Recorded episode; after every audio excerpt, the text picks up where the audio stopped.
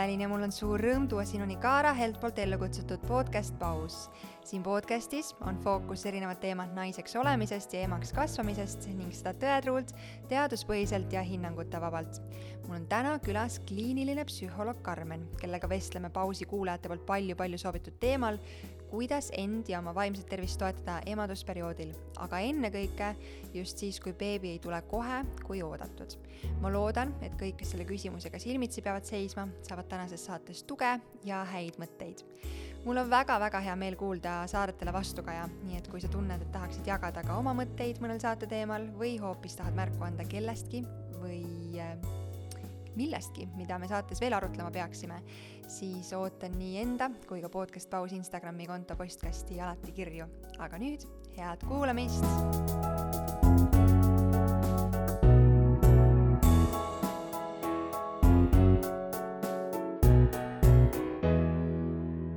tšau, Karmen. tšau. sa oled kliiniline psühholoog. jah. me oleme pausi saadetes rääkinud äh, emadusega või emaks kasvamise teega seotud äh, Äh, vaimse tervise muredest hästi põgusalt tegelikult ja mitte ka ainult muredest, vaid üldse sellist, sellisest äh, vaimsest tervisest äh,, mõtetest äh,, mis kaasneb kogu selle emadusteekonnaga mm.. Ähm, sa oled keskendunud sünnituse või õigemini siis lapse planeerimise äh,, sünnituse ja sünnitusjärgse perioodi vaimsele tervisele, ma ütlen õigesti? jah, just. Miks või kuidas sa üldse selleni jõudsid? ma mõtlesin selle peale täna hommikul, et see tegelikult on isegi minu jaoks tundub üsna pikk lugu.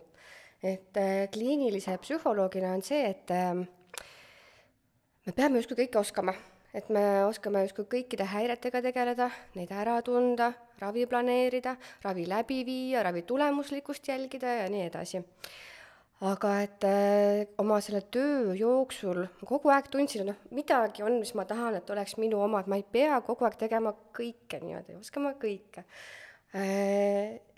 ja, ja siis äh, no ütleme, selle teraapia vältel sa ikkagi erinevate inimestega kohtudes. Märkad äh, sageli jällegi seda, et, et hästi palju sellest, kuidas me praegusel ajal toime tuleme ja milline meie vaimne tervis on, tuleneb sellest, kuidas meie üles kasvasime ja oleneb sellest, milline siis meie vanemate vaimne tervis tegelikult on. selle kõrvalt veel äh, kohtusin aeg-ajalt värskete emadega, kelle juures ma märkasin ka sellist süütunnet, väsimust äh,, noh, toimetulekuraskusi, pidevat mõtlemist, et kas ja kuidas ma hakkama saan, kas ma teen õigesti, ja kogu aeg mõtlesin, huvitav, mis värk see on kuidagi. et kui ma kõrvalt kuulan teda, mis ta oma lastega teeb, ma tunnen, et kõik on väga hästi, aga need emad on väga pinges nii, sealt hakkas mõte arenema, et mis noh, kuivõrd oluline on see ikkagi, et kuidas me ennast vanematena tunneme. kas sel hetkel sa ei olnud ise veel ema, olid? ei, ei olnud. Äh, ja seda enam oli see, et äh, neid emasid just kuulates oligi see mõte peas kogu aeg, et noh, kuidas siis, et kuidas see saab sinuga niimoodi toimuda, kui objektiivselt on näha, et tegelikult kõik on nii hästi, eks ole. ja jah, sealt hakkas see mõte arenema, siis ma mäletan, kuidas ma mingil perioodil hakkasin väga sageli oma armsa juuksuriga sellest rääkima, kes on ka tegelikult psühholoogia huviline, ja rääkisimegi, kuidas, et oleks ikka vaja, et, et juba last planeerides vanemad teaksid enam-vähem, kuidas ennast hoida ja tead, kuidas lapsi hoida ja ja et kuidas noh, see pereelu välja nägema hakkab, mida oodata, mida teha nii-öelda. nii, see oli järgmine seemnekene, mulle tundub e,. Siis, vot siis tuli kõige suurem osa tegelikult, oligi see, kui ma sain ise emaks ja ma hakkasin aru saama, mida need emad mõtlevad ja miks nad niimoodi mõtlevad, nagu nad mõtlevad. ja ma nägin, kui äh, vähe tegelikult meil äh, liigub seda informatsiooni ikkagi selle kohta, et äh, mis võib minu vaimse tervisega toimuda sellel ajal. ja hakkasin ise uurima asju, ise lugema, kursuseid võtma, rohkem erinevaid välismaiseid selliseid kanaleid jälgima, kus sellest räägitakse, aga ma ei julgenud veel midagi teha, ma lihtsalt kogusin teadmisi kuniks siis äh, viimaks oli see tunne, et äh, pärast äh, lapsehoolduspuhkust siis tööle tagasi minnes oli ikka see tunne kogu aeg sees, et noh, ma tahan rohkem, ma tahan midagi teha sellega, mis ma omandanud olen ka. ma tahan, et, et inimesed teaksid rohkem sellest, mis toimuda võib. ja mõtlesin mingi hetk, et olgu, ükskõik, ma teen ära, ma, ma hakkan vähemalt koolitama kedagigi ja mõtlesin esialgu perearstide peale läks niimoodi, et ma mm, oma kodukohas mõningate perearstidega sain kontakti, aga mitte väga äh, ja siis tuli juba see mõte, et olgu, las siis nemad praegu jäävad, keskendume siis juba konkreetselt neile vanematele, neile emadele, isadele. ja panin kokku oma esimese koolituse. ja seoses sellega, et seda koolitust oli vaja, oli vaja ka teada anda, et see nüüd tulemas on äh,, andsid mulle mitmed kolleegid nõu, et aga kuule, aga miks sa ei tee siis ikkagi omale sellist äh, noh, sotsiaalmeediakontot, et noh, tahes-tahtmata me praegusel ajal saame niimoodi rohkem ikkagi teineteisest teada, on ju ja, ja ikkagi alguses mul oli selline hirmus tunne, et noh, kuidas ma teen ja mis mina ja mis noh, nagu väga klassikalised kõik, ma arvan, kõik tunnevad ära, kes midagi hakkavad pihta millegagi, mõtlevad, et tahaks teha, ei no mis mina, kuida-, kes mina mm -hmm. olen, et öelda, mis jaa, täpselt. Ongi ja, ja samas see entusiasm on sees, aga see hirm on kogu aeg, et noh, kuidas, et kas mul üldse ikkagi lõpuks on midagi öelda, kas keegi üldse jälgib seda, kas kellelegi üldse läheb korda, mina ise nii põlen selles teemas, aga kas keegi teine üldse nagu tahab sellest midagi teada. aga ma mõtlesin, olgu, kõik, ma sain kolleegidelt oma selle tõuke, tegin selle ära ja läks lahti ja, ja, ja ongi, et ma enda jaoks, vähemalt minu arvates on praegu juba üllatuslikult palju neid inimesi, kes seda kontot jälgivad, ja, ja sellest ma olen saanud veel rohkem indu juurde, et selge, et eh, kui see mõjub mulle nii hästi, kui ma näen, et eh, on inimesi, keda see huvitab, järelikult see on õige asi, järelikult ma teen seda edasi ja ma lõpuks saan seda teha, mida ma südamest, südamest tahan. kui palju äh, sinu enda emadusteekond on äh, sa tõid küll välja selle, et sa lõpuks ise emaks saades mõistsid neid äh, emasid ja neid lugusid ja, ja neid mõtteid, mida sa olid varem äh, spetsialistina kuulnud või kuulanud, aga milline su enda emaks kasvamise tee oli või kuidas see möödus Mö,? möödus, see on väga vale sõna, Evelin, mida siin kasutada, aga kuidas see kulges või kulgenud on? jaa ähm,, ütleme niimoodi, et äh, ma olen alati tahtnud emaks saada, ma teadsin, niikuinii ma noh, pean saama emaks ja ma valmistasin ennast äh, raseduse ajal väga ette selleks, kuidas kuidas mu lapsel oleks olemas hea vanker, kuidas mu lapsel oleks äh, kena pesakene, kuidas mu lapsel on piisavalt riideid, kuidas ma ei tea mm,, kellele ma tarvidusel helistan, kui on, kui on vaja küsida näiteks, et a la mitu tabletti võtta või mis iganes. aga see oli kõik ehk siis tegelikult see vaimne pool, äh, mis kõik sellega kaasnes, tuli mulle endale ka nagu pauguga nii-öelda peale. tunnedki, et nagu äkitselt, et voh, mis asja, minus on nii palju armastust ja minus on nii palju muret ja ärevust. ja, ja, ja, ja muretsen selliste asjade pärast, mille pärast poleks üldse osanud arvata, et ma üldse hakkangi muretsema ja siis näed, et aa, okei okay,, see oli see, millest mulle varasemalt on ilmselt räägitud.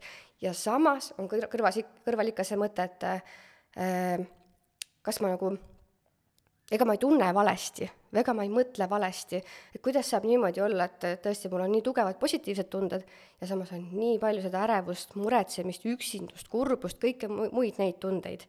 aga täpselt siis see oligi, et ma hakkan seda informatsiooni otsima, leiad, et noh, jaa, see on normaalne, seda on palju tihedamini, kui me võiksime arvata, ja, ja jah, nii võiks öelda, et läks.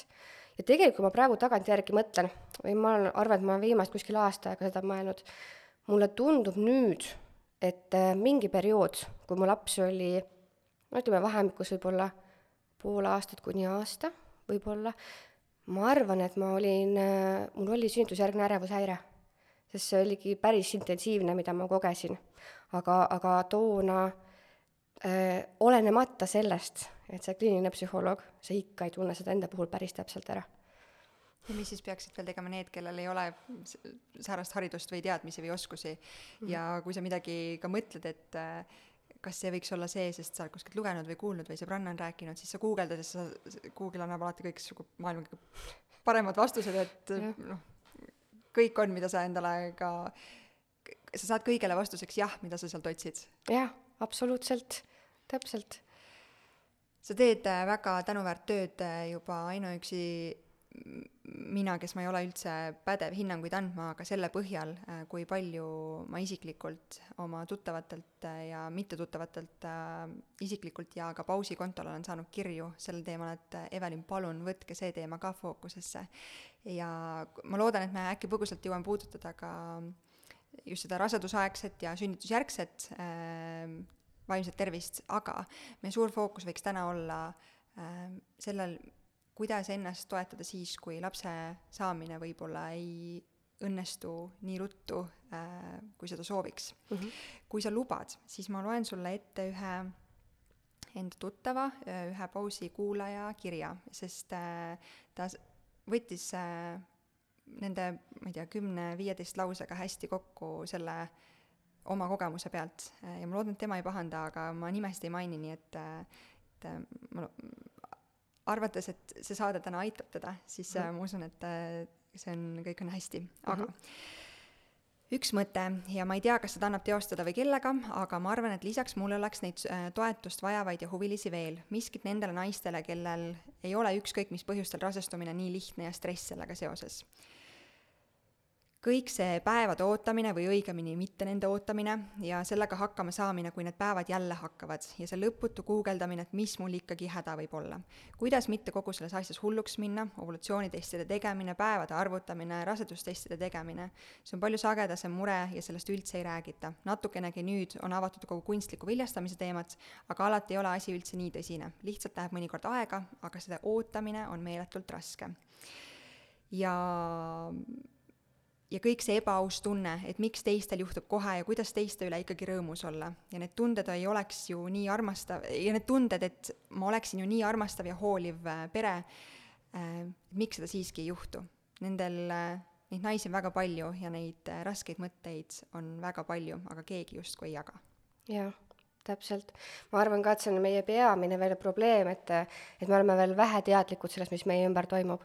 tegelikult, kui vaadata seda normaalset äh, viljastumist siis nii-öelda, siis äh, mil iganes aasta jooksul, ühe aasta jooksul see toimub, on see veel äh, nii-öelda probleemitu viljastamine, viljastumine ja, ja kui me vaatame seda, et kuivõrd tõenäoline üldse üks äh, viljastumine on, siis ütleme, alla kolmekümneaastaste naiste puhul on ühe tsükli jooksul see rasestumise tõenäosus äh, umbes kakskümmend protsenti ja mitte rohkem, mis tegelikult ju näitabki seda, äh, kuivõrd keeruline või noh, kuivõrd aegavõttev võib tegelikult üldse üks tavaline normaalne rasestumine olla.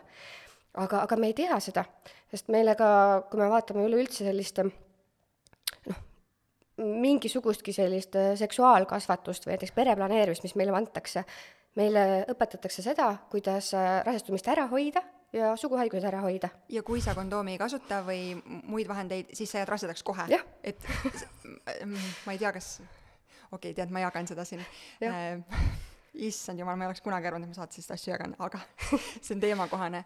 minu esimene vahekord äh, kuna seesama info äh,, ma ei tea, on see bioloogiatund või inimeseõpetuse tund, kus jagati sellist, et äh, mul ei olnud oma perega sellist või oma emaga sellist sidet, kes jagaks võib-olla soovitusi ja näpunäiteid ja ütleks noorele tüdrukule, kuidas, mida tegema peab mm. -hmm ja kogu minu info tuleneski sõbrannadega chat imisest ja koolipingist, kus info jagamine oli ka väga puudulik äh,, siis äh, äh, mu esimene vahekord oli noh, umbes sisse-välja mitte midagi ei juhtunud äh,, kondoomi kasutasime ja kuna mu hirm, et ma jään rasedaks, sest igal pool ei räägitud, et kohe, kui sa oled vahekorras, siis sa jääd rasedaks mm, -hmm. hoolimata sellest, et me kasutasime kaitsevahendeid, ma läksin järgmine päev, ostsin endale SOS pilli, võtsin selle ka veel mm. -hmm. et lihtsalt see hirm oli nii suur.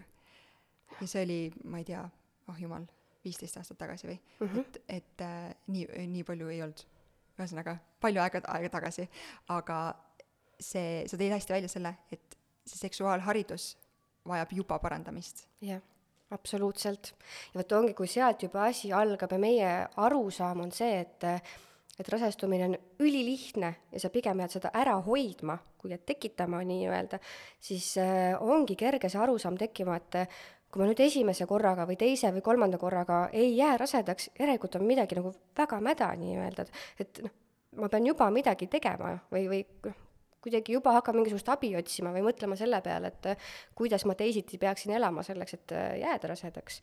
aga jah, tõesti, et see rasestumise tõenäosus on nii palju väiksem, kui me võiksime arvata, ja samas, kui aasta jooksul see toimub, siis ei olegi üldse põhjust muretseda. no kliinilises mõttes ma ütlen nüüd, ega inimesena muretseme muidugi niikuinii ilmselt, ja eriti mida rohkem sa seda ootad, seda kergem on see mure tulema ka aga et seal kirjas oli nüüd ka selliseid küsimusi, et kuidas nii-öelda siis äh, noh, nagu terveks jääda vähemalt terveks jääda, eks ole, et äh, tegelikult seal seal oleks mitu aspekti, mida võiks öe- välja tuua ja, ja tegelikult äh, ma tahaks veel seda ka lisada, et äh, noh, ühte hästi head kuidagi nagu retsepti sellist ei ole olemas, sest sellega, et me oleme hästi erinevad ise ju. ja, ja, ja inimesed tulevad toime erinevate raskustega erinevat moodi. aga et äh, mis võiks, millele võiks proovida seda tähelepanu pöörata, on see, et, et, et ma elan, noh, kuidas ma ütlen, võimalikult tervislikult noh, selles mõttes ma ei taha siin ka mingitesse äärmustesse minna, aga noh, võimalikult okeilt, eks ole.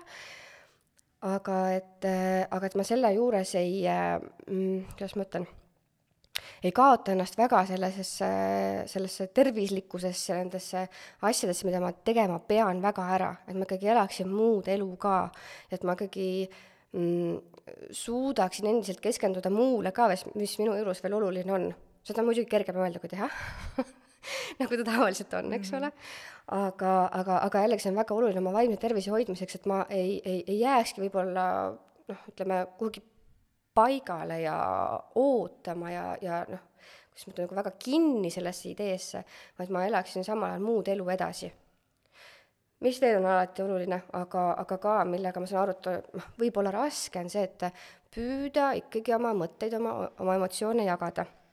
Jällegi, siin ei saa öelda, et see on selline täiesti must be ja, ja et igaüks peab kohe leidma kellegi ja peab rääkima ja mis iganes, eks ole, aga et üldiselt jällegi ähm,, kuidas ma ütlen, me jällegi, kuna üldiselt nendest asjadest ei räägita, ja kui siis ise kellelegi see välja tuua, on üsna suur tõenäosus, et sa leiad kellelgi teisel mingisuguse sarnase kogemuse.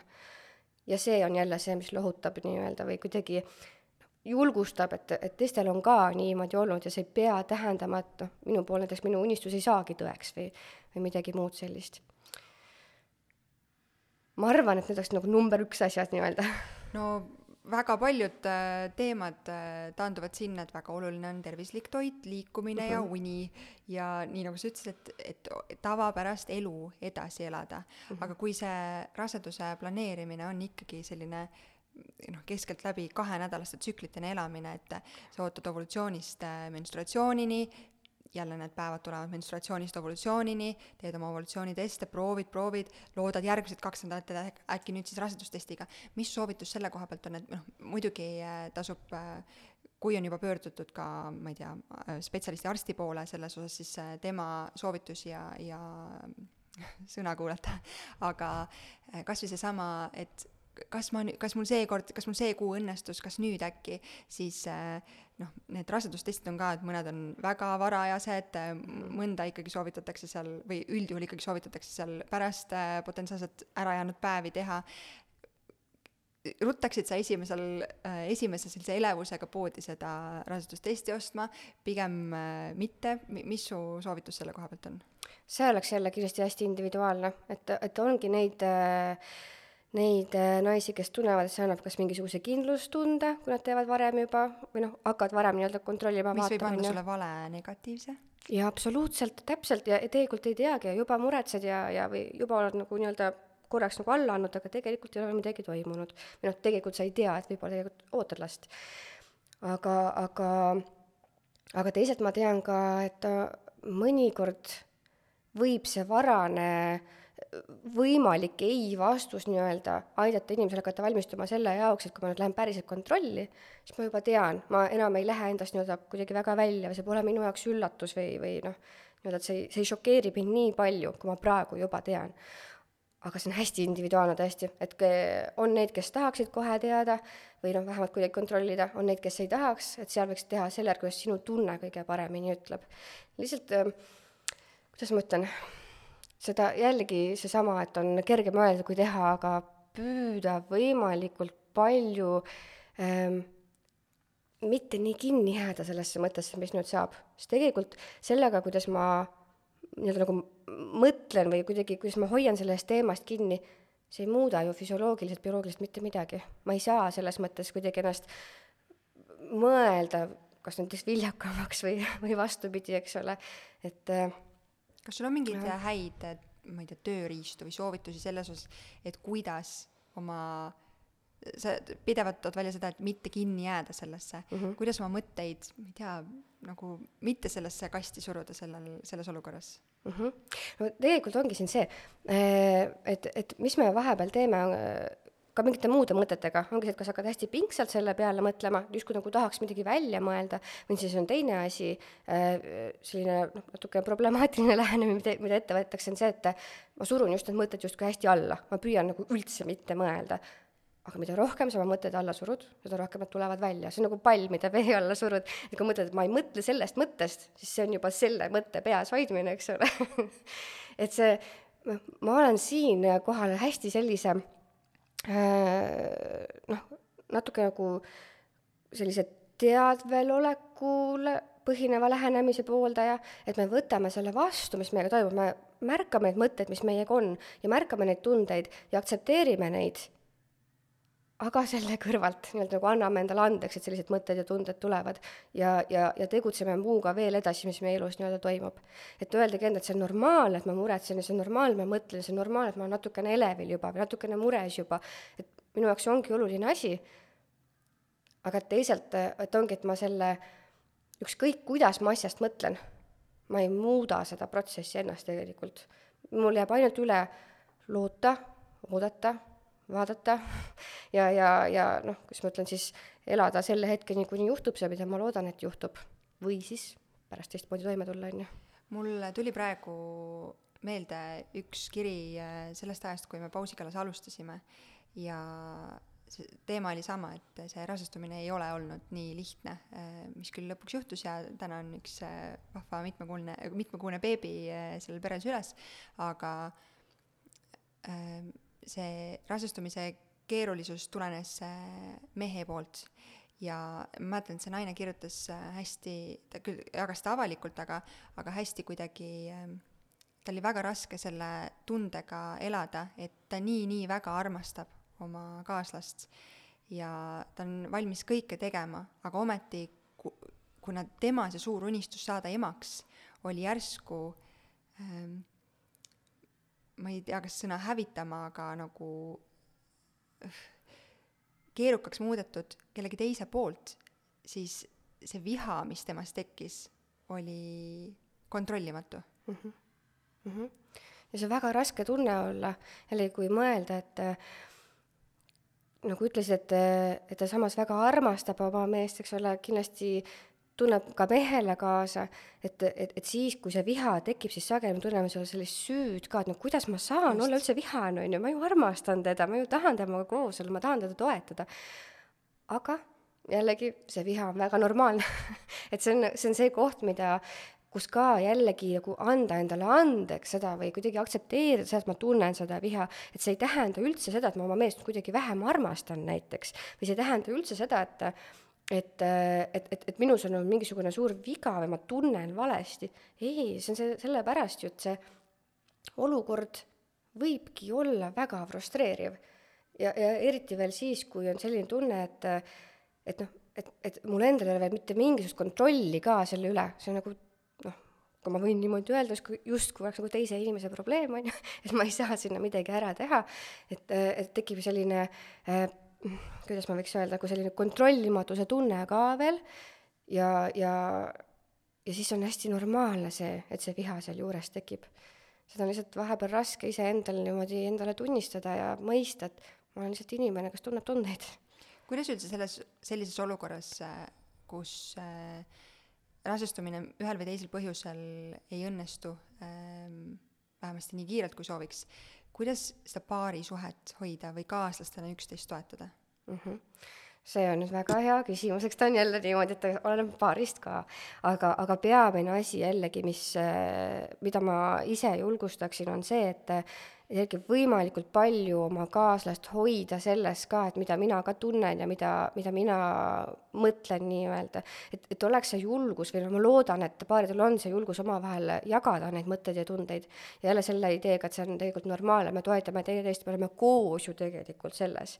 et see ei ole praegu ühe või teise mingisugune isiklik probleem, noh niikuinii paaris natuke me jagame oma probleeme, on ju, aga tõesti, et me oleme tegelikult koos ju sama asja eest väljas me mõlemad elame seda läbi ja, ja võib-olla siis proovida ka teineteiselt küsida nagu sellist toetust, mida sina hetkel vajad.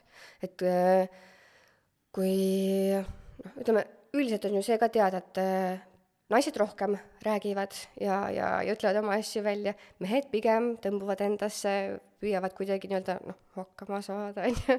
no selline vana hea mehe pilt, et pead olema tugev ja vankumatu ja siis, siis sa oled mees mm. -hmm, just, mis on ka samas nii problemaatiline nii mehele kui naisele, sest kui see mees näiteks tegelikult tunneb ka igasuguseid tundeid, aga ta tunneb, et ta ei saa neid välja öelda, kui raske see koormus üksipäini on. ja teistpidi, see naine siis, kes kõrvalt võib-olla näeb, et see mees nagu ei tunnegi midagi meil on nii suur probleem, aga tema on rahulikult vait või kuidagi ei ütle mulle midagi, elab oma tavapärast elu edasi. kuidas tema ei hooli? Ta võib-olla väga hoolib, ta lihtsalt ei saa seda välja öelda, sest ta arvab, et ta ei tohi välja öelda. et no ongi kas noh, nii-öelda nagu sellest mehelikkusest tulenevalt või see, et, et ma olen naisele paremini toeks, kui mina noh, mingis mõttes nagu ei lagune koost või ei näita, et ma muretsen, eks ole, aga tegelikult sellel mehe tunded on täpselt samamoodi väärt seda, et ta saab need rahulikult välja öelda ja, ja, ja saab selle kinnituse, et et see on normaalne ja see on okei okay ja see, kuidas ma ütlen, see on lihtsalt inimlik nii-öelda et tegelikult ongi, ega see üleüldse see rasestumise raskused ja kui on tegemist juba ka viljatusega, et see on äh, üsna suur asi, mis tekitab äh, paarides probleeme, omavahelisi suhtlemisprobleeme. ja seda enam see võiks olla see koht, kus ikkagi rohkem proovida koostööd teha, kui mitte kahekesi, võib-olla ka hoopis äh, pere- või baariteraapias. sa rääkisid seda, kui oluline on jagada ja, ja paari suhtes veel eriti mm -hmm. jagada ja avatud kaartidega rääkida. aga ma kujutan ette, et sellises olukorras võib äh, jõuda see punkti, kus muust ei räägitagi kui ainult sellest mm. -hmm. see vist ei ole ka nagu see positiivne tulemus sellel ja vot täpselt, ongi, et tegelikult selleks, et seda paarisuhet ju ennast ka veel hoida, sa pead seda ka toitma ikkagi. et kui see jääb ainult selle peale, et meil on koos kahekesi üks väga suur probleem ja, ja püüame sellega hakkama saada, siis on jälle nagu selline noh, natuke nagu obsessiivsus või see, et me jääme sellesse hästi kinni. et muidugi ideaaljuhul võikski mõelda, et, et, et meil on see probleem, me tegeleme sellega, aga me oleme ikkagi endiselt paar ka ja me teeme muid asju ka koos ja räägime muust ka koos ja kuidagi püüame endiselt toimida kahekesi koos ka edasi kui oluline on ma ei tea, kas oma graafikut siis võimalikult täis sättida erinevaid tegevusi ja kohtumisi ja inimesi justkui selleks, et ei oleks aega äh, pidevalt muretseda ja, ja üksinda guugeldada ja ma ei tea, videosid ja dokumentaale vaadata, et mis kõik võib juhtuda või mis kõik äh, selles olukorras äh, teha või tegemata jätta või siis võib-olla see ei ole hea mõte, et oma graafik täis panna kõike jälle oleneb täiesti inimesest. et kui see muutub selliseks asjaks, et jumala eest ma pean tegutsema, muidu ma mõtlen, siis see on nagu see mõtte allasurumine jällegi, see meeleheitlik kuidagi noh, mittemõtlemine, eks ole, mis hiljem või varem või hiljem siis ilmselt niikuinii mingist moodi või mingist kohast nii-öelda välja tuleb. aga kui see on lihtsalt selline variant, mis nii-öelda aitab äh, tulla toime ja mitte lihtsalt võib-olla ongi pikutada diivanil ja ainult mõelda ja ennast halvasti tunda, miks mitte? See on jälle, jälle hästi individuaalne, kuidas kellelegi meeldib nagu toimetada nii-öelda. et ei saagi soovitada, et, et, et noh, mine ja tee asju ja ei saa ka soovitada, et kuule, et ära praegu tee ja, ja, ja lihtsalt nagu ainult mõtle ja lase olla, eks ole. aga on sul mingit ma ei tea, tõesti nagu väga praktilist soovitust, kuidas käituda olukorras, kus sa eladki nende circa kahenädalaste tsüklitena, et sa ootad evolutsioonist menstruatsioonini, siis sa ootad uuesti evolutsiooni, kui, kuidas oma elu, tavapärast elu jätkata siis mm.? no vot, see, see ongi kuidagi minu arvates selline asi, et mm, et üks praktiline asi, mis saab teha, ongi see, et, et ma tõesti seal muul ajal teen ikkagi muid asju ka. et ma näiteks ei jäta, ma ei tea, lihtsalt igaks juhuks oma treeninguid ära või ma lihtsalt igaks juhuks ei võta mingisugust uut töökohta vastu või ma igaks juhuks, ma ei tea, ei lähe kuskile sõbrannadega näiteks kokku saama või midagi muud sellist, ma teen muud asja edasi selle kõrvalt, et ma tegelen praegu selle noh, minu jaoks väga olulise asjaga nii-öelda, eks ole, et, et, et, et ja nii edasi. ja jällegi, et äh, mõtete, emotsioonide pealt, et äh, seesama tegelikult, et, et ma ei äh,, mm, ei suru neid alla, ma luban endal olla nii, nagu ma olen, aga teisalt ka püüda sealt kõrvalt äh, noh, kuidas ma ütlen, ongi ka vaimselt keskenduda ka muule veel, kes ma kõike veel olen ja mida ma kõike veel, mis mul kõik veel meeldib ja mida ma teha tahan nii-öelda. et need osad jääksid äh, endaga alles ikkagi.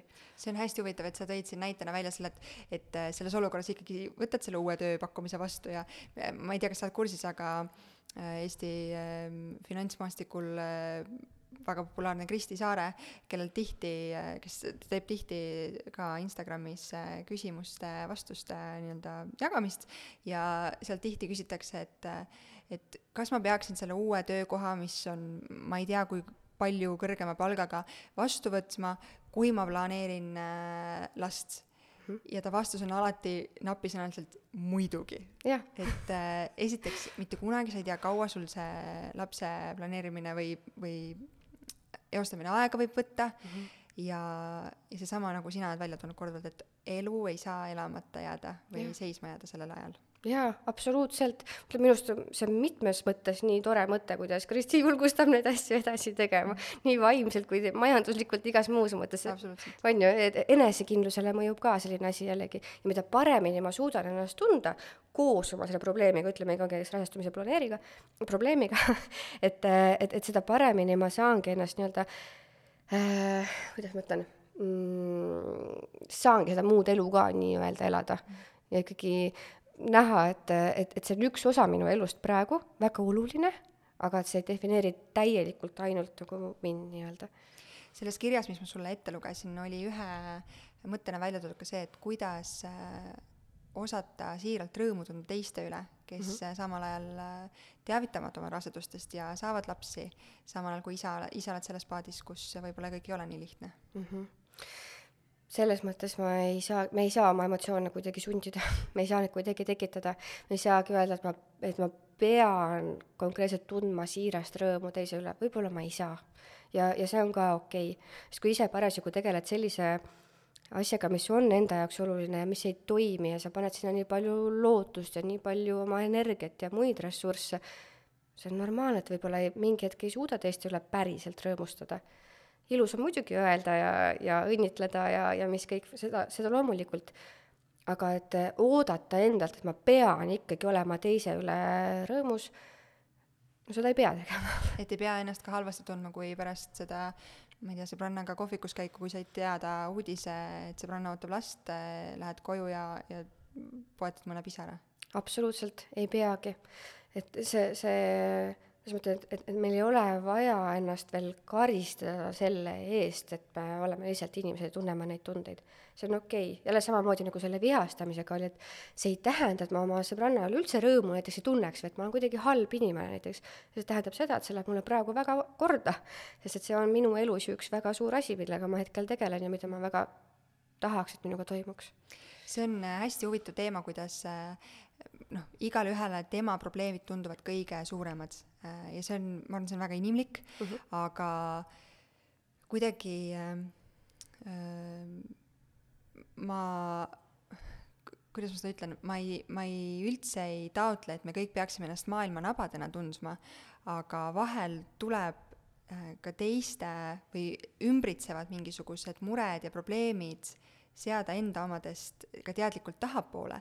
et äh, ma mäletan, mina äh, jagasin või avalikustasin oma lapse ootuse hetkel, kui Ukrainas algas sõda mm. -hmm. ja see oli minu jaoks, ma, ma minu meelest lükkasin seda edasi tükk aega või, või mingisugust äh, kellegagi jagamist või sisu postitamist vähemasti, siis mulle tundus, et see on nii väike või et ma, kuidas ma jagan rõõmu sellel hetkel, kui noh, põhimõtteliselt siinsamas inimesed äh, viskuvad kuulide ette mm, -hmm. et mhm. oma kodu kaitsta. ja see tundus mulle hästi väär sellel hetkel. ma tagantjärgi vaatan, muidugi tagantjärgi tarkus on alati see kõige parem, aga ma, ma tunnen kuidagi, et, äh, et võib-olla ma ise elasin äh, kuna ma ei saanud jagada nendega, keda ma tahtsin ja kes oleks mulle seda rõõmu ja toetust pakkunud, siis selle läbi ma elasin mingeid emotsioone nagu hästi negatiivselt üle mm. -hmm. et võib-olla kui ma oleksin suutnud enda rõõmu sel hetkel esiplaanile tuua, ma oleksin positiivsemas kohas see hetk olnud. jaa, absoluutselt. jällegi see, see maailmas äh, on pidevalt selliseid asju, et äh, toimub korraga midagi noh, vastuolulist nii-öelda, midagi väga head ja midagi väga halba. ja, ja jällegi see, et sa oled oma lapse ootuse üle rõõmus, ongi suurepärane, see on loomulik, see on kena, see, see, see on asi, mille üle rõõmustada ja sama aeg saab ka veel olla kuidas ma ütlen, selline kaastundlik ja kurb ja hirmunud selle pärast, mis kuskil mujal toimub. see on okei okay, korraga mitmeid asju tunda ka kui need kaks triipu seal testil on ja need südamelöögid on ka sealt äh, ultrahelist äh, kätte saadud ja kõik on, kõik läheb ikkagi nii, nagu soovitud, siis tekivad äh, peredel ja ennekõike naistel, sest paratamatult see on vist loomulik, et naised kuidagi ekstra, muidugi ma ei saa meeste eest rääkida, ma, ei ole mees ja ei ole ühegi kellegi peas ega kehas elanud, aga aga naised kuidagi muretsevad veel eriti, et see on tema keha, kus see kõik toimub ja, ja mis seda nagu läbi elab siis tekivad äh, uued mõtted ja hirmud mm. -hmm. kuidas rasedusaegsete mõtetega ja hirmudega toime tulla? Jällegi siin üks osa oleks see, et on oluline teada, et see on normaalne, et me muretseme, et me mõtleme neid asju ja, ja valmistame ennast ette ja püüame võib-olla mingeid lahendusi juba enne leida nii-öelda mm,. et, et see ja see nii-öelda see, kuidas siis nagu toime tulla selle muretsemisega, on jälle see, et oleneb äh, väga inimesest, kellele mis meeldib. on neid, keda toetab väga see, kui ta saabki teada päris sellist, ütleme, toetavat faktilist äh, teavet, mis on nii-öelda normaalne oodata ja mis mitte ja, ja mis nii-öelda üldse temaga nii-öelda toimuma hakkab. hästi, kui see nii-öelda lahendab selle muretsemise ära, juba on ju kena, eks äh, võib ka olla see, et, et jällegi, kellel on vaja võib-olla natukene rohkem äh, teistega neid asju natukene läbi arutada või oma kogemust jagada oma mõtteid. see võib olla jällegi väga, väga valideeriv, väga normaliseeriv, kui sa kuulad, et aa, noh, minu sõbranna näiteks, kes on praeguseks juba suurepärane ema, tema mõtles ka selliseid asju, eks ole, et, et tegelikult see, et ta mõtles, ei tähendanud üldse, et need asjad lähevad täide, need mured nii-öelda, mille pärast ta muretses, see on täiesti okei. Okay.. aga, aga jällegi, kui see, ma ütleks, kui see muretsemine tundub, et, et see on selline kontrollimatu et see on see väga palju aega ja energiat võttev, et sa võib-olla isegi näed seal kõrvalt, et äh, ma ei pea kõige selle pärast tegelikult muretsema, aga ikka see tuleb, siis võib-olla see võiks olla koht, kus äh, juba sellist toetust või abi otsida. ja siinkohal ma mõtlen ikkagi sellist ähm, äh, professionaalsemat abi, ütleme spetsialisti abi. kui, kuidas tegeleda te,, tegeleda või, või õigemini kas äh, mingis olukorras üldse muretsemine ette millegipärast, mis sa ei tea, et sind ootab, on äh, tervitatav või positiivne ka? inimesed vahepeal ütlevad seda, et, et see aitas mind justkui, sest ta aitas võib-olla mingisuguseid lahendusvariante välja mõelda. aga ma ei ole kindel, kas päriselt see muretsemine midagi ette midagi aitab. su jutust jäi kõlama see, et äh, ikkagi oma roll on ka ettevalmistusel mm, -hmm. et, äh, et sa tead, äh, et see on okei okay, neid mhm. tundeid tunda ja neid hirme tunda ja, ja mingil määral muretseda, aga peaasi, et sa nagu liiga obsessiivseks nendega ei muutu, et sa tead, et, et vajadusel sa pead tegelema ja pöörduma selle spetsialisti poole mm. -hmm aga noh, ma ei tea, raseduse ajal ootad neid äh, suuri, suuremaid äh, screening või ultraheli uuringuid, Oscari testi ja edasi loote anatoomia uuringut, noh, selle üks vist on kaheteistkümnenda nädalal ja teine kuskil kahekümnenda kandis või eksin, sa tead asjakohasemalt praegu. Siis äh, noh, nende nädalate vältel annab ikka lõputult muretseda ja kõiksugu potentsiaalsed tulemused ka läbi guugeldada ja mõelda, et mis siis, kui ja noh, alati mõeldakse seda, et, et, et seda juhtub üliharva, aga kindlasti mina olen see, kellega juhtub. jah, jah, täpselt, ja need kõige hullemad variandid juba, eks ole.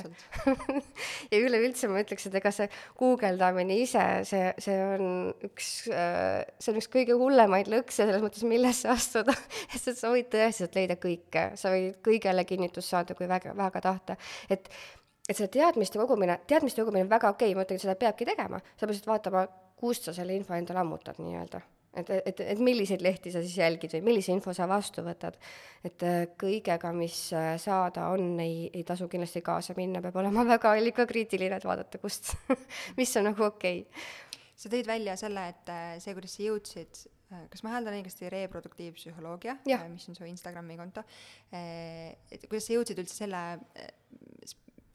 spetsialiseerumiseni ja, ja tänaste teemadeni, on see, et sa kuulsid enne äh, emasid rääkimas ja ilmselt nüüd puutud veel rohkem äh, värskete emadega kokku, millised on kõige sagedasemad äh, küsimused, mured, tähelepanekud, millega sinu poole pöördutakse äh,? ikkagi mulle tundub, et see, see peamine osa nagu see, et, et, et kas ma, kas ma teen õigesti või kas ma, kas ma nii-öelda kas ma sobin üldse emaks, kas ma oskan oma last hoida, kas ma oskan õigeid asju teha, kas ma oskan õigel ajal märgata, kas ma teen piisavalt, ega ma ei tee kuidagi liiga nii-öelda.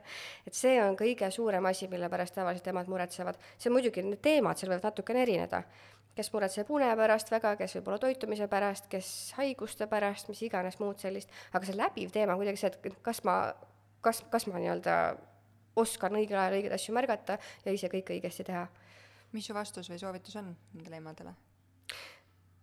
tavaliselt me arutame läbi, mis ta siis teeb, et aga, aga et läbi selle jõuaksime selleni, et enamasti nad kuidas ma ütlen, me, me ei saagi äh, iga asja kohta tegelikult öelda, et see on praegu õige või vale. aga me saame öelda seda, et, et, et emad teevad tavaliselt ju ikkagi oma parima äranägemise järgi ja otsustavad oma parima äranägemise järgi mida ma lihtsalt tahaksin kindlasti alati hästi julgustada, on see, et, et jällegi, äh, et need värsked emad mm, võtaksid vastu just seda informatsiooni ja tegutseksid selle järgi, mis neile õige tundub endale. et äh, sageli võib olla ka see, et, et näiteks ongi, et äh, et oled võib-olla see ema, kes äh, väga pooldab seda, et äh, magad näiteks lapsega koos, et ta ma-, noh, magab kuskil sinu ümber, sinu peal, on ju, et ja, ja siis kuuled, kuidas võib-olla ema või ämm ütleb, et mis asja, et ei tohi -hmm. niimoodi, pane ta sinna hälli, ta, issand jumal, ta harjub ära, ta saab liiga palju lähedust, on ju. aga see ei lähe sinu tunde kokku, see tundub nii väär ja võib-olla on neid, kes teevadki siis selle soovituse järgi, panevad selle lapse ära, tunnevad ennast nii halvasti, et et äh, kuidas ma saan niimoodi teha, kui mulle tundub, et ta võiks olla tegelikult minu lähedal, või vastupidi, et võib olla ka see, et et okei okay,, ma ei tee selle soovituse järgi, ma teen nii, nagu mina tahan, aga peas hakkab see mõte ketrama, aga äkki nüüd ikka sellel teisel oli õigus. äkki mina ikkagi ei tee õigesti, äkki ma tõesti kuidagi suudan oma lapse ära hellitada või kuidagi, kuidas ma ütlen, noh, ära rikkuda nii-öelda, on ju kui see on sinu jaoks õige, kui sa tunned, et teil la-, lapsega nii-öelda on see sünergia olemas, see ei ole asi, mille pärast muretseda, mis, mis teised ütlevad ümberringi. tead, ma pean siinkohal mainima, ma olen ka suur kaisutaja oma lapsega ja mm -hmm. ma, mul õnneks on kõik lähedased vist, ma arvan, nad teadlikult on oma suu kinni hoidnud, sest kindlasti neil kõigil on väga palju arvamusi, aga mind on siis õnnistatud sellise pere ja lähedastega, kes ei tule õpetama ja ei tule mm -hmm. oma arvamust avaldama.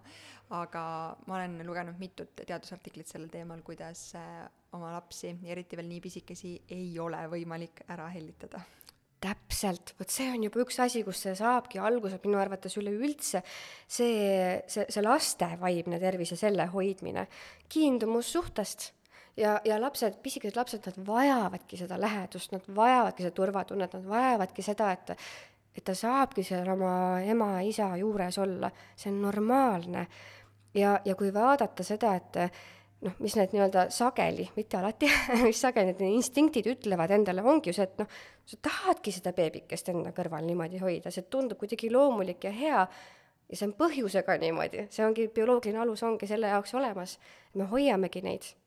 See on, see on nii huvitav, me praegu mõtleme sellele, et igal inimesel on ju mingisugune oma äh, või mingisugused asjad äh, või inimesed äh, või keskkond, ühiskond, mis tekitab temas seda turvatunnet mm. -hmm. et kindlasti on sul mingid oma, noh, ma tean, et, et ähm, kindlasti väga paljusid mõjutab see, et teab, et tal on, ma ei tea, vähemalt see kolme kuu meelerahufond olemas või et tal on need koduvõtmed taskus, et tal on see kodu, kuhu minna või, või et tal on kasvõi see saiapätt seal kapis, et, et ja, ja see ema, kellele helistada, et see on see tema turvatunne et ta teab, et see on olemas mm. -hmm. aga sellel pisikesel inimesel, kes just tuleb siia maailma, tal ei ole, ta ei oska nendest asjadest hoolida mm. -hmm. tal ei ole neid asju, tema jaoks ongi see vanema lähedus kõige olulisem ja võtta see talt ära, sellepärast et kuri ämm ütles, et peab oma voodis magama ja oma toas, tundub mulle hästi äh, väär.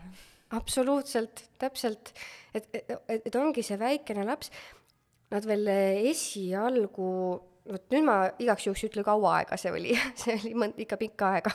Defineerivad niigi ju ennast läbi oma ema või läbi oma vanemate selle, selle tunde, et nagu meie oleme üks ja, ja kui mul on midagi äh, parasjagu viltu, see inimene aitab mind või noh, see minu mis iganes teine pool, siis see osa minust nii-öelda aitab mind, et ta reageeribki minu vajadustele ja ja, ja, ja ta ongi minuga koos ja, ja, ja noh, kuidas ma ütlen, noh, on nagu olemas nii-öelda. see ongi see, mida üks väike laps vajab ma korrutan seda vist igas saates, aga ma olen täiesti veendunud, et iga ema tahab oma lapsele parimat ja iga eh, ema jaoks lihtsalt see parim on hästi suhteline, hästi erinev mm. -hmm. kuidas saada üle sellest tundest, et, et ma pean maksimumi kõikides, sest me te, kõik teame, me oleme inimesed, et ei ole võimalik kõiges kõike kõige paremat saavutada, et mm -hmm. nii nagu üks inimene ei saa olla maailma parim laulja, odaviskaja, kuulitõukaja ja ma ei tea, programmeerija, siis noh, me ei saa ka emadena panna endale peale seda pinget, et meie lapsed peavad kõike suutma kõigeks võimelised olema ja meie peame ka neile seda kõike pakkuma, et mm -hmm. ma ei tea, olgu selleks siis, et äh, kui lisatoit on juba mängus, et äh, kõik toit peab orgaaniline olema ja seljas saavad lapsel olla ainult äh, merino villast või mis iganes muudest äh, headest materjalidest riided ja mm, -hmm. ja kõik kõik, kõik, mis ümbritseb, on äh, ainult kõige parem. kuidas sellest tundest äh, üle saada või üle, üle olla? Vot siin on, mulle tundub jälle see teadvustamise osa nagu tähtis, et, et ongi okei okay,, et sa tahaksid, et tal oleks kõik kõige paremas korras, sa armastad, sa hoolid, eks ole, aga sina saad anda ainult mingisuguse osa endast. ja see on kõige olulisem osa muidugi aga meil on ümber kõik muu maailm ka. Ja, ja niikuinii ma võingi teha niimoodi, et mm, kuidas ma ütlen, et mul kodus nii-öelda lapsega on kõik äh, justkui planeeritud ja, ja kõik parem talle pakutud, aga ta läheb mingi sealt kodust niikuinii välja, ta puutub kõige muuga kokku, see juhtub niikuinii. sa ei saa eluski äh, kõike hoida niimoodi, et see oleks tegelikult ideaalne. ja see on ka okei okay jällegi me, ma, ma isegi ei kujuta ette, kuidas seal üldse kunagi oleks võimalik, et keegi täiesti ideaalsetes tingimustes elab. sa peaksidki, ah, sa ei saa niimoodi kah, vot tahtsin just öelda, et peaksid üksikule saarele kolima, see ei ole ka ideaalne tingimus, sest teisi inimesi on ka vaja, on ju. see lihtsalt ei olegi võimalik. aga et see, see teadvustamine just, et jah, mina emana annan oma parima, nii palju, kui ma jaksan ka, et ma ei pea ka ennast nii-öelda kuidagi ära kulutama, on ju. ja see ongi piisav hästi palju räägitakse ähm, sünnitusjärgsest vaimsest tervisest naistel. Ähm,, olgu siis baby blues äh, nime all või ähm, sünnitusjärgne depressioon, ma ei tea, kas see on tegelikult üks ja sama asi? ei ole, on ju mm? -hmm. praegu ütlesin, siis ma hakkasin mõtlema, et sa vist isegi tegid ühe postituse hiljuti selle kohta mm. -hmm. räägi nendest. jaa, need on erinevad äh,. Baby blues ehk siis nii-öelda see emamasendus, öeldakse vahepeal ka mammamasendus, aga kõlab ema masendus eks ole, et see baby blues on äh, täiesti äh, tavaline äh,, normaalne, isegi veidike nagu oodatav nähtus, mis esineb äh, umbes kaheksakümnel protsendil naistest. mis ikkagi tuleb ootamatult. on ju, jah, ongi aga et see on, see on, see on selline normaalne, tegelikult koos äh, uue rolli kohanemise ja ka hormonaalse kõikumisega tulenev seisund, mis tähendab seda, et umbes seal kaks nädalat võib olla selline periood, kus naine on äh, tundlikum, emotsionaalsem, võib-olla nutab rohkem, ei tea ise ka, miks ta nutab, on ju et korraga, on ju, sa oled korraga nii õnnelik ja korraga on see, et ah, mis minuga toimub, pisarad lihtsalt voolavad. ja, ja võib-olla seda muretsemist natukene rohkem ja, ja muud sellist, aga ta läheb ise üle. ta tuleb ta läheb, äh, seal vahel on ka rõõmurohkeid hetki, äh, suudad noh, nii-öelda nagu üldiselt edasi toimetada ja nii ta ongi. kõik, see on normaalne. aga, aga kui peaks ikkagi tekkima selline olukord, kus tunda on, et, et äh, sellised sümptomid intensiivistuvad mingil määral, et see kestab rohkem kui kaks nädalat ja et see on selline, kuidas ma ütlen mm,, mitte jah, nagu ainult intensiivsem ja pikem, aga see on selline mm, kuidas ma ütlen, kõikehõlmavam nii-öelda, siis võiks hakata vaatama, et võib-olla see on ikkagi sünnitusjärgne depressioon, mis on tekkinud. et, äh, et seal võiks juba vahet teha sellel ka, et äh, depressiooni puhul äh, on tavalisem juba see, et, et see, et see kurbus või tüdimus või väsimus nii-öelda võtab üle, seda rõõmutunnet on vähem seal kõrval bluesi puhul on see, et üks hetk ma naeran, teine hetk ma nutan ja see, see ongi normaalne, siis depressiooni puhul on palju raskem juba seda rõõmu ka tunda, seda head ka näha ümberringi. kui oluline on pöörduda äh, eeldusel, et või, või selles mm, arvam-, arv-, arvamusega, et mul võib olla depressioon äh,, kui oluline on pöörduda äh, spetsialisti poole? väga ma ei saaks seda eluski kuidagi ära rõhutada, kui oluline see on, sest sealt äh, kuidas ma ütlen, sealt võib välja tulla ka see, et äh, mm, et see depressioon ei vaja mingisugust väga olulist sekkumist nii-öelda, aga juba selleks, et eristada, et, et kas me, kas me ja mis me nüüd edasi teeme, juba sellepärast on oluline. sest äh, depressioon äh,, kui on tegemist ikkagi nii-öelda nagu välja ravimata depressiooniga, siis tal on väga suur oht hakata hiljem korduma. Ja, ja mitte ainult edaspidi ka järgmistel võib-olla sünnitusjärgsetel perioodidel, vaid üleüldse elus. ja niimoodi on iga depressiooniga muidugi. et juba selle, selleks üks asi. ja teine asi, miks on ta oluline, ongi see, et kui, kui see vanem ei tunne ennast piisavalt okeilt selle vanemluse ajal, see on jälle ju see, mis mõjutab tema enda heaolu, mis mõjutab tema lapse heaolu, mis äh, äh, nii-öelda nagu selle pere heaolu eest nii-öelda kuidagi, ma ei tea, kas ma, mis ma tahtsin selle lausena öelda, pere, pere heaolu mõjutab tegelikult. et, et meil on vaja seda tähele panna, meil on vaja seda vähemalt äh, hinnata ja, ja, ja sellega mingil määral vähemalt tegeleda või vähemalt teada saada, et okei okay,, praegu selline periood on äh,, ma saan teha seda, seda, seda enda heaks nii-öelda ja kui vaja, siis pöördun näiteks edasi veel.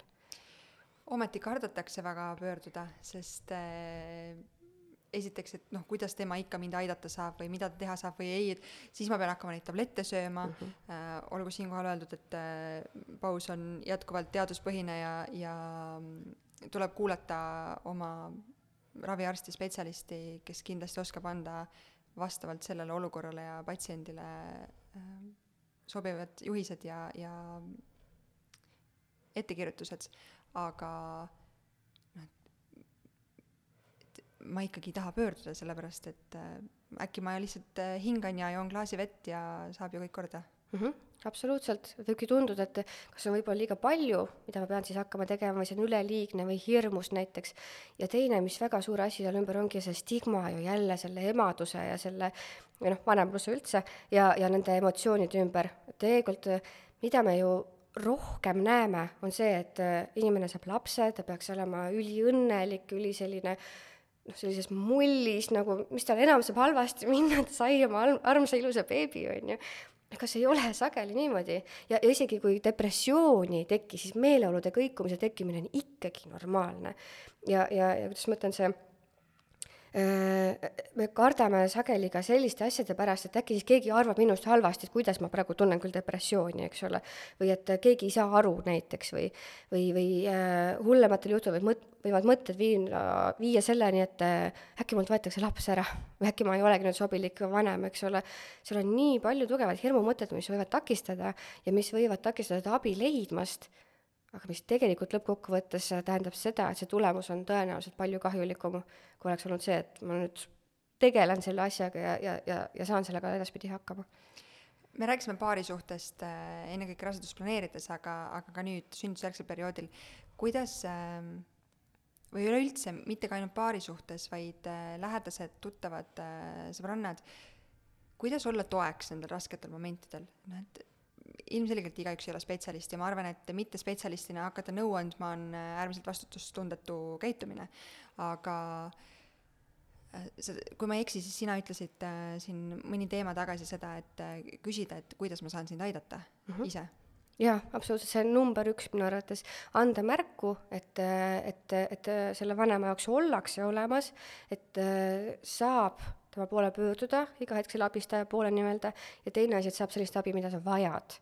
et on äh, neid depressioonis äh, vanemaid, kes vajavad seda, et tullaksegi tema lapsega tegelema ja, ja antakse talle natukene aega näiteks, aga, aga on ka neid, kes tegelikult sellest lapsest nagu eemal olla ei tahagi või nagu seda puhkust ei tunne, et vajavad, aga on vaja abistada hoopis teiste asjade tegemise juures. ja siis võibki öelda, et noh, okei okay,, mul on praegu halb, ma, ma hea meelega istuksin oma beebiga, kas sa saaksid palun olla nii kena ja, ja tulla hoopis, ma ei tea, mulle süüa teha?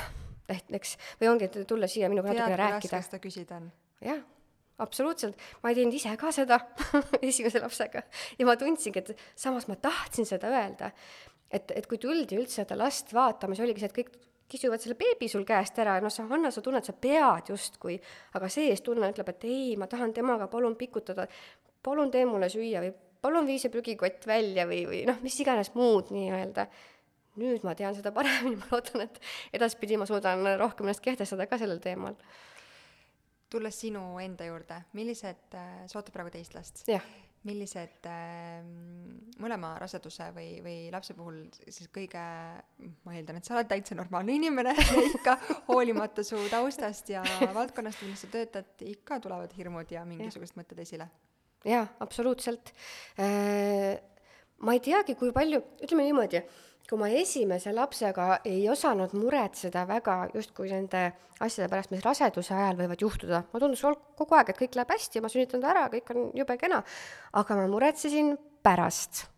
oligi tema tervise pärast, tema une pärast, uni oli kõige hullem teema üldse mu jaoks, mille pärast ma olin täitsa endast väljas kohe vahepeal et nüüd ma juba tean, et, et okei okay,, et need asjad, need mured olid küll okeid kuigi üleliia ja ma, ma nüüd oskan teistmoodi suhtuda nendesse asjadesse.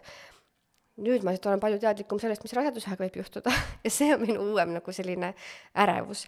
aga, aga ma oskan sellega nüüd ka jällegi teisiti toime tulla. et ma, et ma teadvustangi endale, et selline ärevus on võib-olla olemas, see on normaalne, aga jällegi mina ju teen oma parima, mul ei ole mingit märkigi sellest, et midagi võiks halvasti minna, noh, ongi niimoodi, ma, ma, ma saan hakkama ja juhtub, mis juhtub. Kuidas sa valmistud äh, sünnitusjärgseks perioodiks? vot täpselt, nüüd ma olen selles mõttes, ongi, kui oled palju targem, siis üks asi, äh, millega ma, millele ma praegu juba tähelepanu pööran, on see, et et kuidas äh, juba esiteks juba see sünnitusprotsess oleks teistsugune. ma juba teadlikult käin rasedate joogas, õpin hingama sest eelmine kord oligi, eelmisel sünnitusel läksin justkui paanikasse, ei osanud õigesti hingata, nüüd ma tean, et see on ka väga-väga-väga oluline, ma teen seda juba praegu, ja, ja teine asi, et ma juba praegu peas vaikselt planeerin seda, et kui mul juhtub ma ei tea, probleem A nii-öelda, mis ma siis selle puhul teha saan ja, ja jällegi ma igaks juhuks ütlen, et mitte nagu kinnisideena, et ma mõtlen, et ma kogu aeg hoian need mõtted peas, ma panen need mõtted enda jaoks kirja ära, kõik, mul on pärast plaan olemas, ma tegutsen selle järgi, kõik on hästi.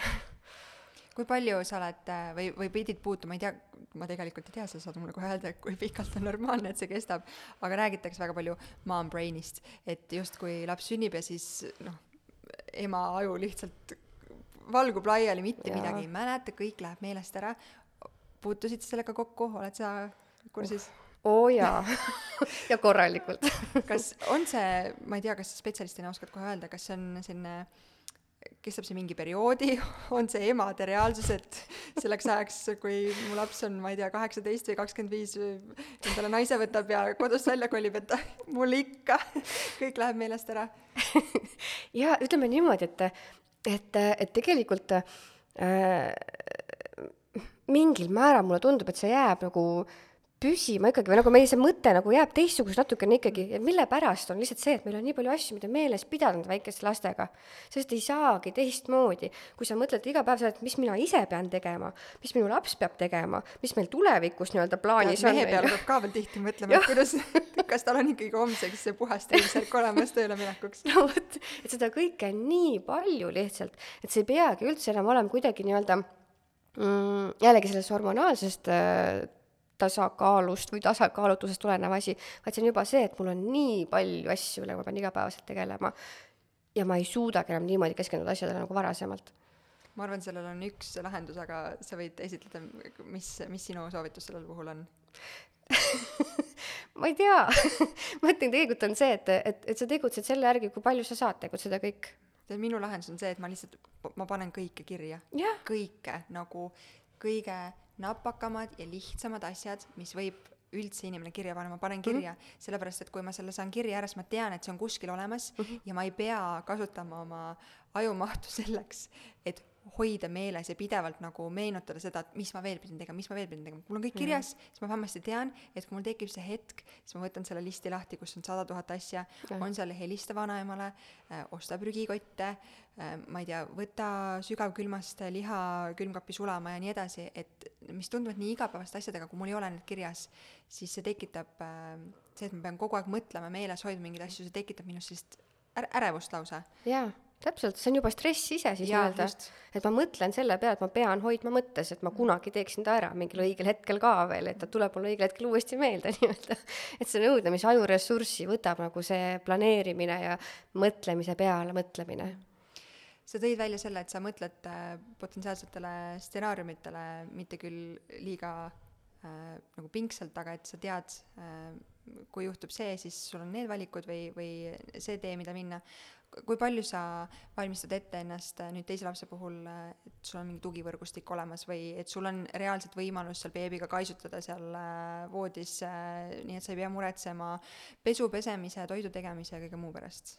jaa, ma mõtlen praegu selle peale, mõtlen asju vaikselt läbi ja, ja ma mõtlen ka selle peale, et just neesama tegemiste poolelt näiteks, et kui ma ei suuda neid teha, siis nii on. Ja kui mingid asjad jäävad tegemata, siis nad jäävad. et see, tegemised ei jookse kuidagi eest ära. Ja see on täiesti okei okay,, et mingit aega ma elangi võib-olla natuke teistmoodi, kui ma tahaks, aga see on okei. Okay sest oligi täpselt ongi, pärast esimese lapse sündi mind tegelikult häiris, kui mul on nõud kuskil või ma ei söönud päris nii, nagu ma oleks pidanud, eks ole, aga tegelikult see lõppude lõpuks ei ole ju jällegi oluline.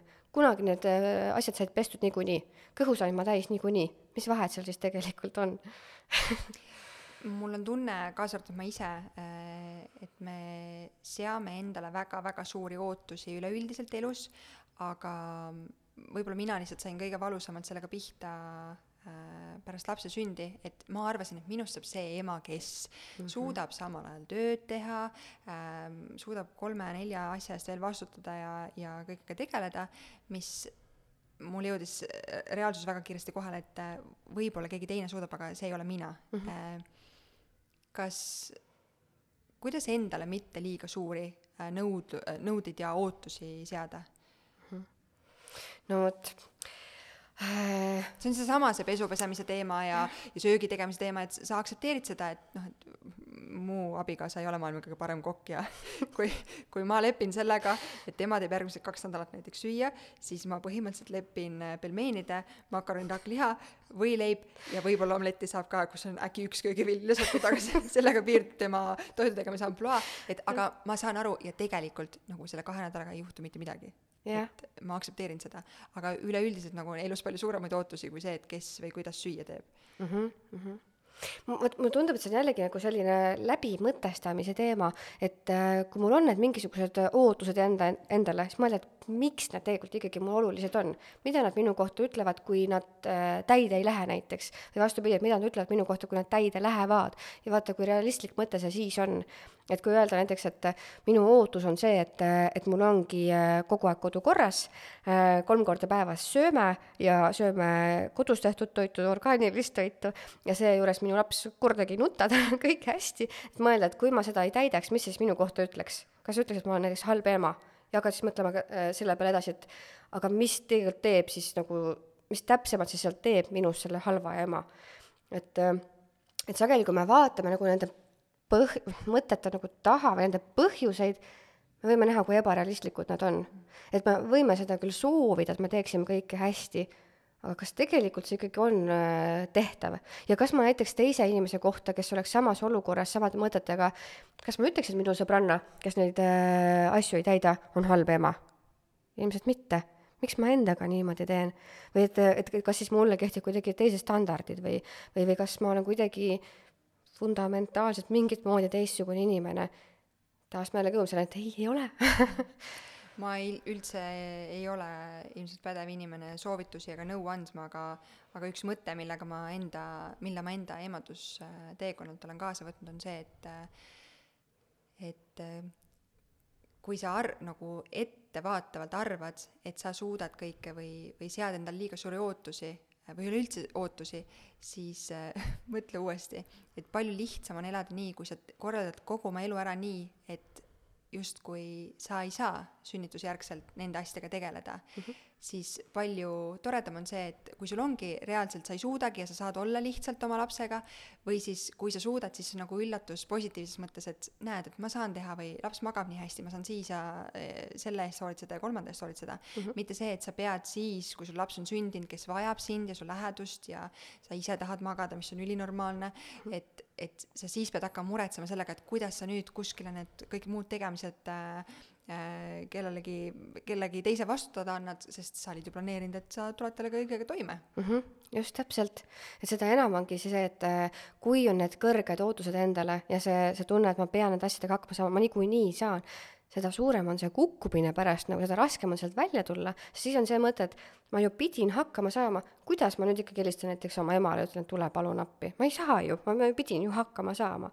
Aga kui sul on juba varem välja mõeldud, et vajadusel helistan emale siis on see variant olemas, sa tead, sa võid seda niikuinii teha justkui äh, seda on huvitav sult võib-olla aasta aja pärast äh, küsida, aga tihti naised arvavad, et noh, et aga esimese lapsega oli nii, et kindlasti teise lapsega on ka nii või et ma, ma juba, ma ju tean kõike mm -hmm. pärast esimest last, et, et ähm, miski ju ei saa mind enam üllatada. ma olen aru saanud, et tavaliselt need teised ja kolmandad ja neljandad lapsed üllatavad veel kamaluga, et ähm, kui, kui palju näiteks erinenud äh, sinu lapse ootused äh, praegu, kui sa võrdled või, või üldse see, see noh, emaduse teeks seda ei saa nimetada, aga jah, ütleme siis lapse ootus. jaa, minu, need olid ikkagi väga erinevad, et äh, noh, see, kuidas ma ennast füüsiliselt näiteks tundsin, ütleme see esimene trimestergi, see oli, noh, tekkiski kuidagi see, ma teadsin, et seal võib olla erisusi jällegi, aga kui see oli endal kä-, kätte jõudis, mõtlesin ka, et huvitav küll, et kuidas saab niimoodi olla, et ikkagi minu ja see, noh, ikkagi sama minu ja sama mehe, sama laps nii-öelda, eks ole, kuidas saab niimoodi olla, aga saab. Ja, ja ongi, et kui juba selle pealt võtsin, et see rasedus saab nii teistsugune olla, et ju siis võib olla ka kõik muu selline, et kuidas ma ütlen, võib-olla mingid asjad lähevad täiesti samamoodi, nagu läksid esimese lapsega, võib-olla mingid asjad lähevad täiesti teistmoodi. ja ma ei tea seda praegu, ma näen seda siis, kui see kätte jõuab, ja ma ei saa kuidagi planeerida asju ette, ma lihtsalt lähen selle tundega kaasa, et äh, elu ongi üllatusi täis sellel ajal, aga see on tore tegelikult, ja, ja et lõppkokkuvõttes ma tulen kõigega toime niikuinii. ma, ma ei usu, et oleks sellist asja, millega, kuidas ma ütlen, millest nagu mm, millel üldse mitte mingisugust nagu lahendust ei oleks, ka aktseptee-, aktsepteerimise mõttes võib-olla, et kui on mingisugune asi, millega ma lihtsalt peangi silmitsi seisma, selle lahendus on see, et ma tunnistan seda ja ma elan sellega ja ma luban endale seejuures neid tundeid ja, ja, ja, ja abi ja kõike muud. See on äh, hea mõte, millega see saade lõppu veeretada, aga üks, ma saan aru, et äh, väga raske on mingeid konkreetseid praktilisi soovitusi anda, sest mm -hmm. hästi, kõik on hästi erinevad ja kõik lood on väga erinevad. Aga ükskõik, kas see raske moment on lapsega, kes keset poodi ennast maha viskab ja keeldub sealt kommiriiuli juurest ära tulemast või see raske hetk on see, kui äh, rasedustest näitab äh, jätkuvalt ühte triipu või või raseduse ajal mingid äh, mõtted tekivad, mis äh, võib-olla kuidagi enesetunnet äh, alla viivad, siis mis su mingid, noh, kindlasti on ju mingisugune selline äh, tegevuste jada, mis, ma ei tea, istud, hingad kolm korda sisse-välja, jood vett ja helistad kellelegi lähedasele või mis su soovitus sellel, see üks hetk, kus tundub, maailm on ebaõiglane, maailm on minu vastu ja mul on nii raske, mis siis teha? Mm? -hmm vot ongi, täpselt, ma mõtlen ka siin, et võib-olla neid praktilisi asju isegi noh, mida täpsemalt tegevuste mõttes teha, igaks juhuks ei ütleks, sest see ongi hästi individuaalne, aga see üks kandev mõte, mis võiks nagu kõigile äh,, issand, kõigile, mis see sõna nüüd on? sobida? jah, just kõigile sobida, oleks see, et teadvustada endale, et jah, mul on praegu raske, mul on äh, halb olukord käes, aga see ei kesta igavesti see möödub niikuinii, et, et, et ma ei, ma ei jää sellesse elu, noh, ma ei taha öelda, elu läheb edasi, aga kuidas ma ütlen, aeg läheb edasi ja ühel või teisel moel äh, see olukord äh, laheneb või möödub või kas ma ütlen, mingist hetkest ma ju enam ei, äh, ei tegele sellega, millega ma praegu tegelen. aga et samas on hästi okei okay,, kui ma praegu tunnen ennast siin halvasti. aktsepteerida neid olukordi ja hetki. jah, just aitäh sulle! aitäh! Äh, ma usun, et siit saatest äh, jäi kõlama mitmeid mõtteid nende raskustega toimetulekul äh,, aga ka, aga see käis ka mitu korda läbi, et äh, sellest rõõmust ikkagi, kui kõik on hästi, siis seda nautida Jah. ja, ja olla hetkes ja, ja elada.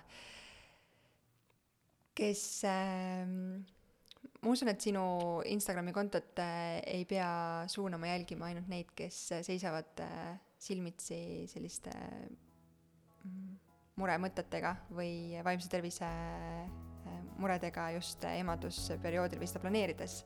ma olen täiesti veendunud, et kõik saavad sealt äh, selliseid argiseid mõtteid, kas või selle osas, kuidas lähedast toetada, kui lähedane selles osas äh, abi vajab. nii et äh, reproduktiivpsühholoogia mm -hmm. Instagramis ja aitäh sulle, et sa seda teed. suur tänu. tšau. tšau.